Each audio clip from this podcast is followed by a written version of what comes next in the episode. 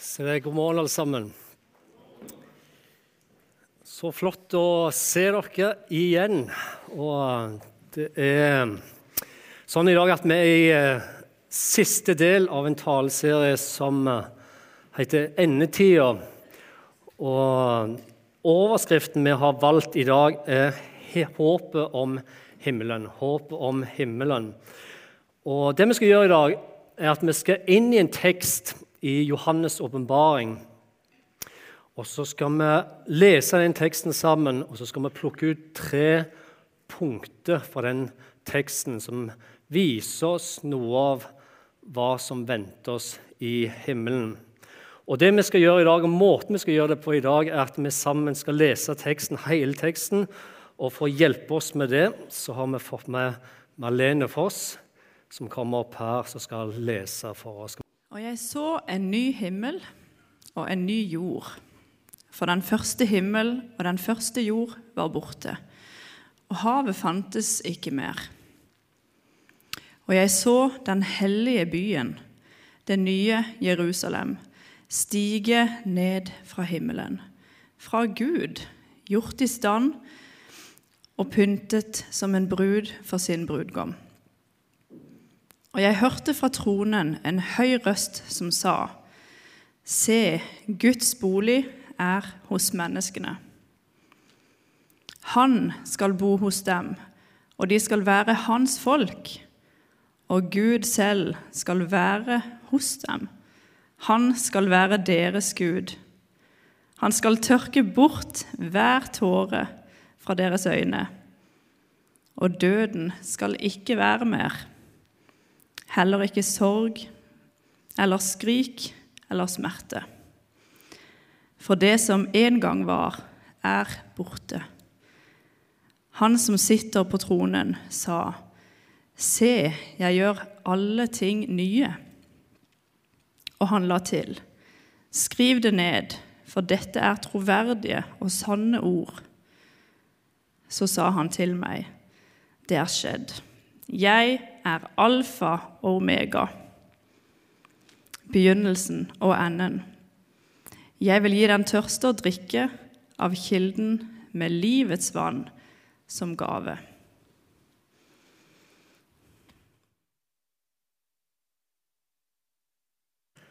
Takk skal du ha, Malene.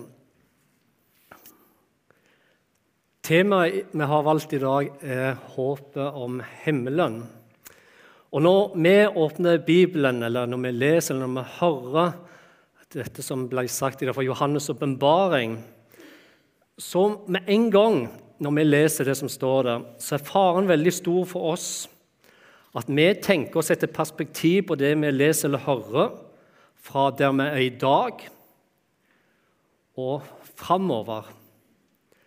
Det som kommer i framtida. Kanskje ikke det er så rart heller, fordi Johannes' åpenbaring er en profetisk bok, og den handler om framtida. Men samtidig så tror jeg at det er veldig viktig for oss i dag, når vi leser Johannes' åpenbaring, at vi også forstår at dette som vi nå leser, spesielt er skrevet til en gruppe mennesker.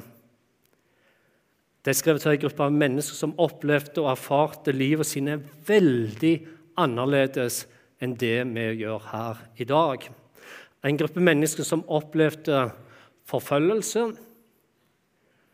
forførelse, lidelse, der de ble drevet fra hjemmene sine, fengsla og noen ganger også drept for trona si på Jesus.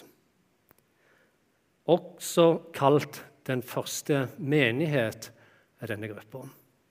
Og Hvorfor er det viktig å få med oss når vi leser Johannes' åpenbaring? Jo, fordi for oss som lever i vår vestlige, sekulære velstandskultur, så kan det være spennende for oss å lese og snakke og høre om endetida. Men samtidig så ønsker vi jo ikke å forholde oss for mye til det. Det er spennende å høre om, kanskje, men ønsker vi å ha noe med det å gjøre? I vår kultur er det ikke uvanlig at vi tenker og ber, og jeg kjenner meg igjen i dette. Ja, Jesus, vi vet at du kommer snart. igjen.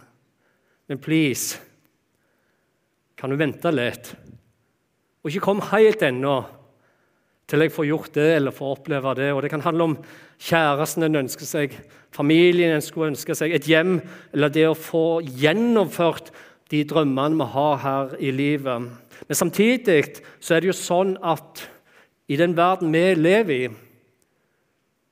så av mesteparten av verdens befolkning så har ikke de muligheten til å tenke sånn engang. For dem, den første menighet, som Johannes' åpenbaring først var skrevet til, så ble det beskrevet for en helt bestemt hensikt. Som var å gi dem håp, og gi dem mot og for å hjelpe dem til å løfte blikket deres og få et himmelvendt perspektiv, slik at de midt i alt det onde de opplevde, erfarte og miste, at de i hvert fall ikke mister håpet om himmelen. Og det virker. Det virker. Johannes' åpenbaring ble for dem en kjærlighetserklæring og en omfavnelse fra himmelen som hjalp de til å holde ut prøvelsene de opplevde og erfarte, som hjalp de å holde seg trofast til ordet, slik at de ikke mister retningen og ikke mister håpet om himmelen. Og Det er også dette håpet om himmelen vi skal snakke om nå i dag, når vi skal inn i teksten som Malene Foss så flott leste fra i dag. Og Så skal vi se på tre ting sammen som ga de første kristne håp og som viser oss hva som venter den som kommer til himmelen. For alle de som har gitt sitt liv til Jesus, har et løfte i vente. Og Det første vi skal se på i dag, er en evig tilstedeværende kjærlighet i sin dypeste forstand. Det andre vi skal se på i dag, er vår personlige skjønnhet i Jesus Kristus. Og det tredje vi skal se på i dag, er at himmelen er en fantastisk virkelighet. En evig tilstedeværende kjærlighet i sin dypeste forstand, vår personlige skjønnhet i Jesus Kristus, himmelen. En fantastisk virkelighet. Men la oss begynne med det første. En evig tilstedeværende kjærlighet i sin dypeste forstand. Om du går helt tilbake til de første sidene i Bibelen, um, så vil du se to ting. Og Det første vil du se at Gud han skaper jorda, og han skaper alt det som lever. Han skaper de første menneskene. Det andre du vil se, at når Gud kommer ned, kommer han på besøk ned i hagen til menneskene. Relasjonen deres var god. Han var perfekt, og Gud kom ned og vandra sammen med dem hagen. Og Grunnen til at denne relasjonen var perfekt, var fordi de delte livet i sammen de var nakne for hverandre i den forstand transparente, som betyr de hadde ingen maske og ingen fasade som gjorde at det var avstand. Alt var ute i lyset, det var rent. Alle veier. Relasjonen deres var 100% perfekt i kjærlighet. Og det var ingenting som gjorde noen sted at de var usikre. I teksten vi leser i dag, så står det dette her. Jeg så en ny himmel og jeg så en ny jord. For den første himmelen og den første jorda borte, og havet fantes ikke mer. Og at det står her at det er behov for noe nytt, er helt rett. En ny himmel og en ny jord handler om at det som før var, det gamle som en gang var godt og perfekt, er øyelagt i sine faller. Og det er én ting at de første menneskene var ulydige og heller lytta til en som sjøl ønsket å være Gud. Det vet vi, og det forstår vi, at det er feil og er synd. Men konsekvensen for dette valget var også at de mista sin trygghet og ble usikre på både seg sjøl og de andre de var i relasjon med, til Gud og til hverandre. Det står slik som dette her når det gikk opp for dem at de var betatt. Da ble øynene deres åpnet, og de skjønte at de var nakne. De fletta sammen fikenblader og bandt dem om livet. Da hørte de lyden av Herren Gud som vandra omkring i hagen i den svale kveldsprisen. Og mannen og kvinnen gjemte seg for Herren Gud blant trærne i hagen. Men Herren Gud ropte på mannen og sa, 'Hvor er du?' Han svarte, 'Jeg hørte lyden av deg i hagen, og jeg ble redd fordi jeg er naken.' Og jeg gjemte meg. Da sa han, 'Hvem har fortalt deg at du er naken?' Har du spist av det treet jeg forbød deg å spise av? Og det vi ser her, at der de før kunne se på hverandre med frihet og glede seg 100 over hverandre, der var det nå kommet noe innimellom dem som gjorde at de så innover i seg sjøl og ble usikre på seg sjøl. Der de før var 100% transparente og hvilte og fryda seg i hverandres nerver, både sammen med Gud og sammen med hverandre, der var de nå utrygge på om den andre kunne stoles på. Om den andre hadde baktanker eller ikke likte det han eller hun så. Om det var utseendet eller kroppen, om det var det jeg sier og det jeg gjør. Kan jeg stole på, eller vil jeg sviktes? Er jeg god nok, eller ikke god nok? Hvorfor ikke heller sånn når jeg ønsker å være slik? Og Hva gjør vi mennesker da når vi kjenner oss utrygge og er usikre på både oss sjøl og de vi har rundt oss? Jo, da dekker vi oss. Da skjuler vi oss, og da tenker vi ting om oss sjøl og andre som nødvendigvis ikke er sanne. Og istedenfor å slippe kjærligheten fri, så prøver vi å kontrollere den. Selv om han er gitt oss i en gave, eller vi holder han tilbake for å beskytte oss sjøl. Og her er dilemmaet dilemmaet vi mennesker står i. For det vi innerst inne virkelig virkelig ønsker og lengter etter dette her, om det er parforhold, familie, på jobben, blant venner eller i menigheten, eller en relasjon, sammen med Gud. Det vi lengter etter, er et liv og en relasjon der vi kan være trygge på og hvile i at vi er 100% elsket og 100% akseptert for den vi er. Og Samtidig som vi ønsker å leve og elske 100% transparent for det vi virkelig er, så ønsker vi jo ikke det Og fullt ut vise hvem vi virkelig er. Og Grunnen til det er fordi vi sjøl tenker at det er ting i vårt liv eller med oss som ikke er sånn det burde være. Så istedenfor å leve transparent så skjuler vi oss, så dekker vi oss og så gjemmer vi oss. Med andre ord, vi opprettholder fas, fasade og maske, noe som også kalles menneskets dilemma. Og det er dette dilemmaet vi som mennesker til alle tider har kjempa og strevd med helt siden syndefallet. Vi som mennesker vi ønsker å elske 100 Vi ønsker å bli elsket 100% for den vi er, men samtidig så ønsker vi ikke å elske 100 for da må vi vise hvem vi virkelig er. Vi frykter konsekvensen av å vise vår sårbarhet, vår nakenhet vårt sanne ansikt som mennesker. Når vi leser at det står og jeg så en ny himmel og en ny jord For den første himmelen og den første jord var borte, og hav fantes ikke mer. Så er løftet Jesus gir her, i Johannes' åpenbaring, at det kommer en dag, et dag og et sted, der vi som mennesker skal slippe fri fra usikkerheten og utryggheten. Et sted vi ikke trenger å skjule oss lenger. Et sted vi ikke trenger å gjemme oss, et sted der det som gikk i stykker, skal skapes på ny. Der vi kan 100% sikkerhet kan hvile i at vi er elsket. I en relasjon der vi er transparente. Det er gjennomsiktig, og det er rent, og det er bare godt.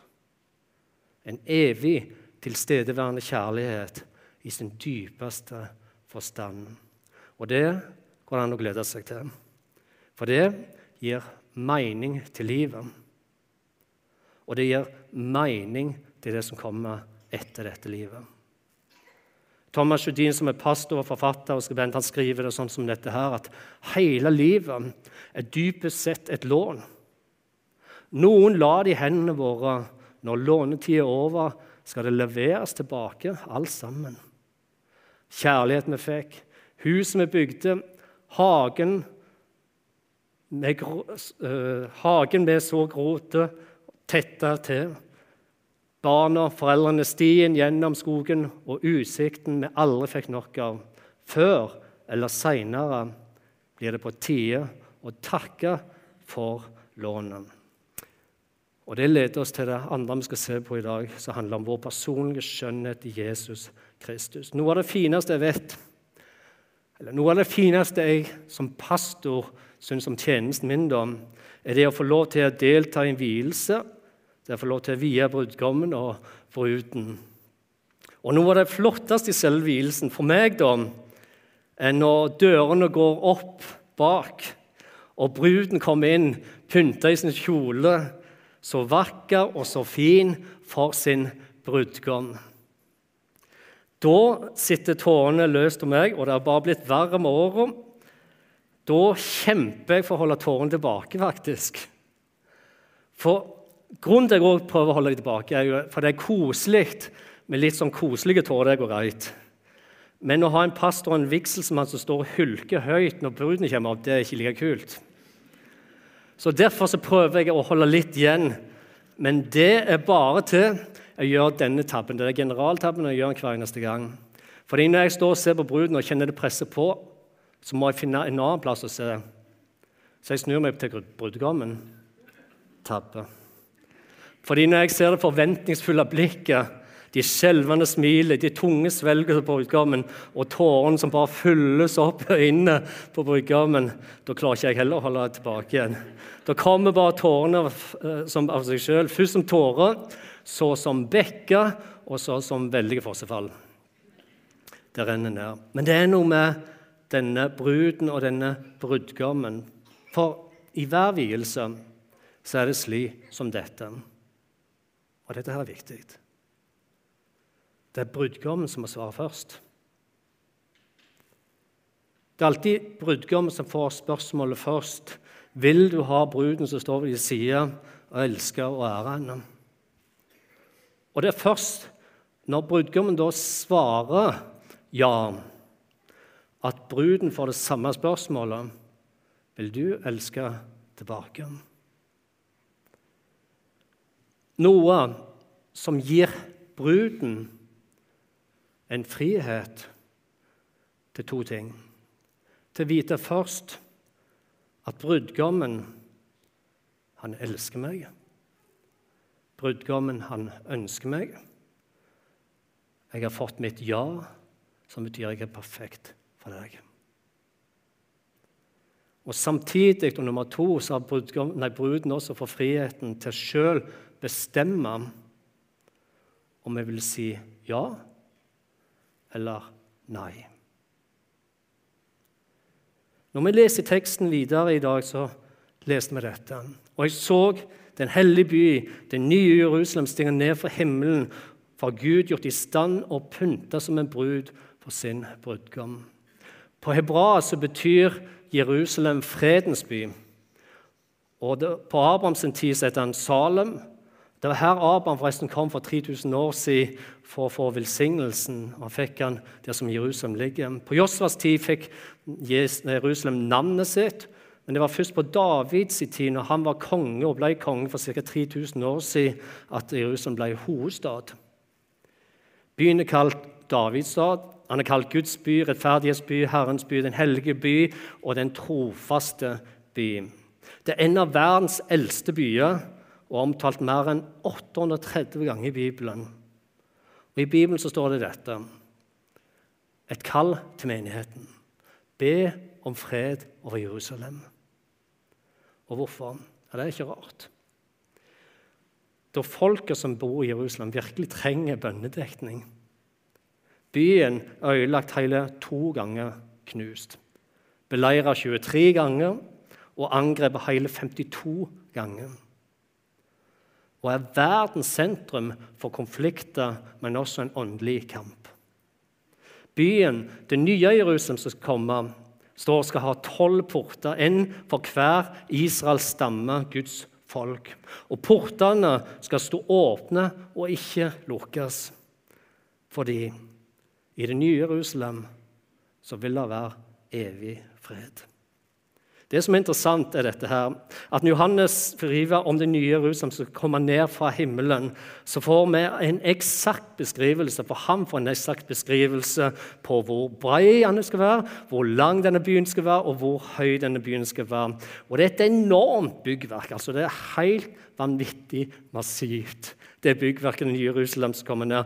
12 000 stadier langt, bredt og høyt, som er det samme som 2200 km på langt, bredt og høyt. Noe som igjen betyr at det Johannes får beskrevet en by som en enorm kube som kommer ned. Og dette er utrolig interessant. Fordi når du leser i Gammeltestamentet, og du går så langt tilbake som tabernakel og Moses i tid, så fikk Moses også instrukser om hvordan dette tabernaklet skulle være fra Gud. Nøye instrukser. Og inni det hellige rommet inni der, så er det også en kube.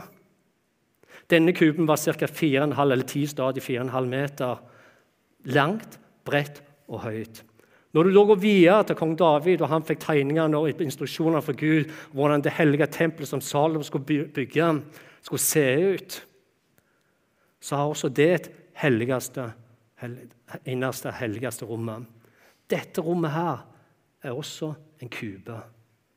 Han er dobbelt så stor som tabernaklet, ni meter langt, bredt og høyt. Og Hvorfor er dette her veldig veldig interessant? Det kan være det er litt nerdete, men allikevel er det sykt interessant fordi når Gud gjør sin fortelling og sin historie gjennom Gamle testamentet og inn i Nytestamentet, så ser vi hva er det Gud holder på med. Jo, han forbereder en bolig, det nye Jerusalem. Tilbake i tabernaklet så var det et lite sted Gud bodde alene. En kube. I tempelet noen hundre år etterpå så var det en større kube, men Gud forberedte noe. Det nye Jerusalem skal være en massiv kube, og det er en grunn til det, og den kommer her. Og Det står dette her at eh, jeg hørte fra tronen en høy røst som sa:" Se, Guds bolig er hos menneskene. Han skal bo hos deg, og de skal være hans folk. Og Gud sjøl skal være hos dem. Han skal være deres Gud. Og her er et poeng. Med Adam og Eva så kom Gud ned og vandra i hagen til dem. Han kom fra et annet sted. Med Abraham så var Gud en stemme han hørte. Med Moses så bodde han i tabernaklet.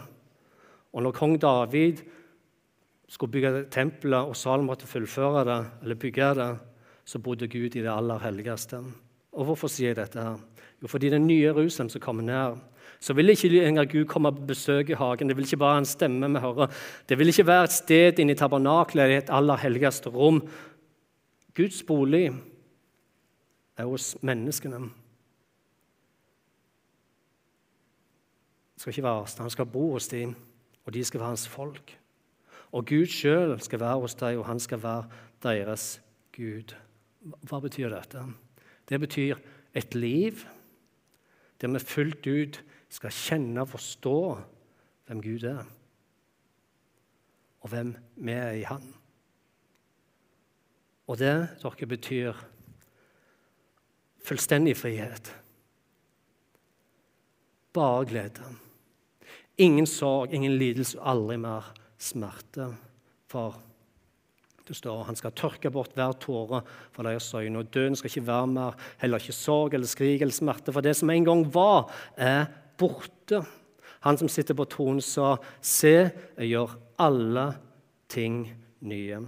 Og Det gir oss et bilde av en konge og det gir oss bilde av en brudgom som er full av omsorg og som smiler mot framtida, og som gleder seg med stor forventning til den dagen når han endelig skal se himmelens dører åpne seg, og bruden skal komme fram, og han skal si sitt ja, og de skal si sitt ja til en relasjon der vi ikke trenger å gjemme oss. Der vi ikke lenger trenger å skjule oss. Der vi ikke trenger å flykte eller bære maske mot hverandre eller mot Gud lenger. Men at vi endelig fullt ut skal klare å se det samme som Gud ser når han ser på oss gjennom Jesus Kristus. Og da ser han dette. Et fantastisk, nydelig menneske som er skapt i hans bilde. Hans skjønnhet. Fordi det er hans brud som bare elsker og elske. Og det, dere, det er det som er vår personlige skjønnhet i Jesus Kristus. Og Det leder oss til det tredje og siste punktet vi skal snakke om i dag, ut ifra den teksten som ble lest av himmelen. Det er et virkelig, virkelig fantastisk virkelighet. I de siste ukene så er det en del som har kommet til meg etter vi startet denne serien om endetida, som har kommet til meg og spurt hvordan tror du Jim, det kommer til å bli i himmelen.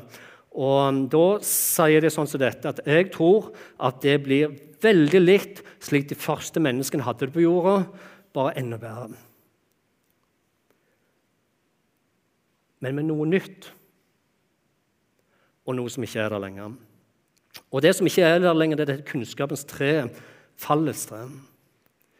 Der de første menneskene valgte å bruke sin frihet, den friheten som de var gitt av Gud, til å velge bort Gud. Det nye er at friheten vi er gitt her i livet nå, kan vi bruke til å elske Gud og gi oss til Han. Det første leder de ut av paradis. Det andre vil lede oss inn i himmelen.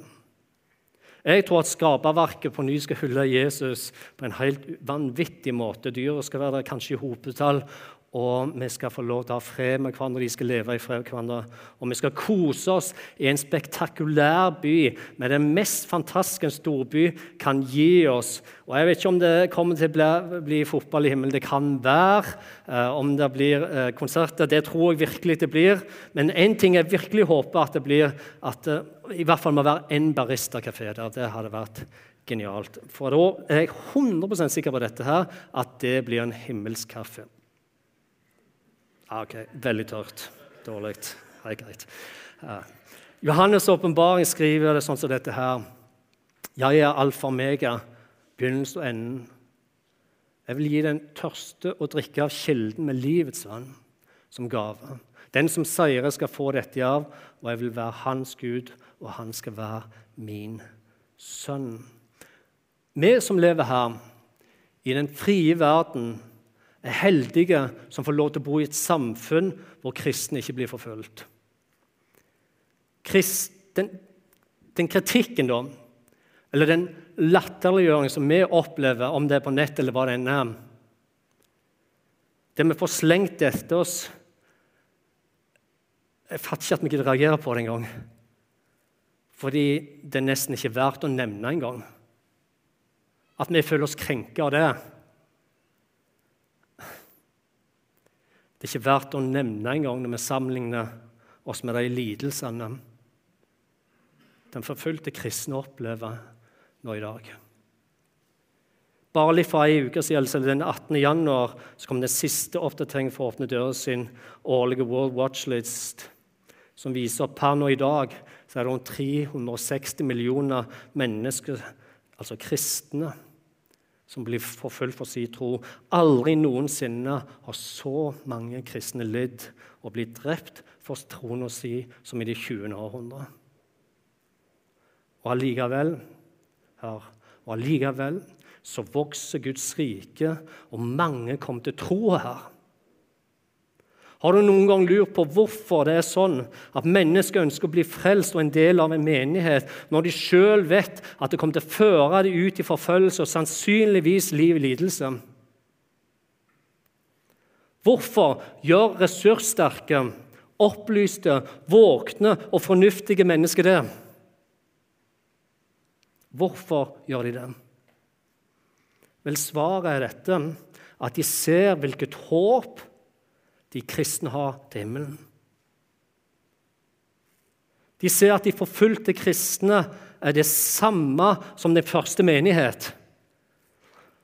De har funnet svaret på det alle mennesker til alle tider har lurt på. Som er hva er meningen med livet? Og hva skjer etter dette livet?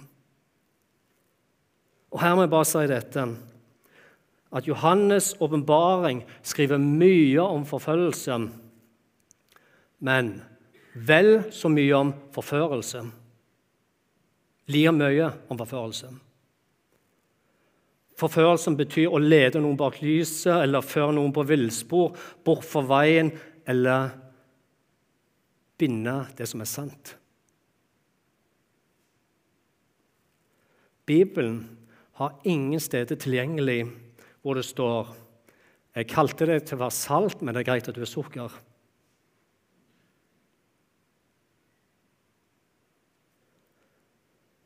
Eller jeg kalte deg til å være lys, men det er greit at du ikke lyser. Det Jesus sier derimot om himmelen og livet vi lever her, er dette. Salige er de som blir forfulgt for rettferdighets skyld, for himmelriket er deres. Ja, salig er dere når de for min skyld håner og forfølger dere, lyver og snakker ondt om dere på alle vis. Gled og fryd dere, for stor er lønnen dere har i himmelen. Det står om de første kristne at når de møtte hverandre og forfølgelsen tiltok, så møtte de hverandre med en hilsen som spredte seg blant de kristne og de første kristne. De sa 'Maranata'. Maranata som betyr 'Herren kommer'. Herren kommer snart. Og Grunnen til at de sa dette til hverandre, skal vi lande med helt til slutt, er tre ting. Nummer én de var tent i brann for Jesus og måtte bare gi Jesus videre, for de trodde virkelig at Jesus kom snart igjen. Nummer to de ba inderlig om at Jesus måtte komme fort fordi forfølgelsen var så hard. Og nummer tre de som maranata til hverandre for å styrke hverandre og gi hverandre håp og mot og tro. Gi ikke opp. Husk håp om himmelen. Maranata. Gi ikke opp. Connect på Jesus. Lev ikke en fot her og en fot der.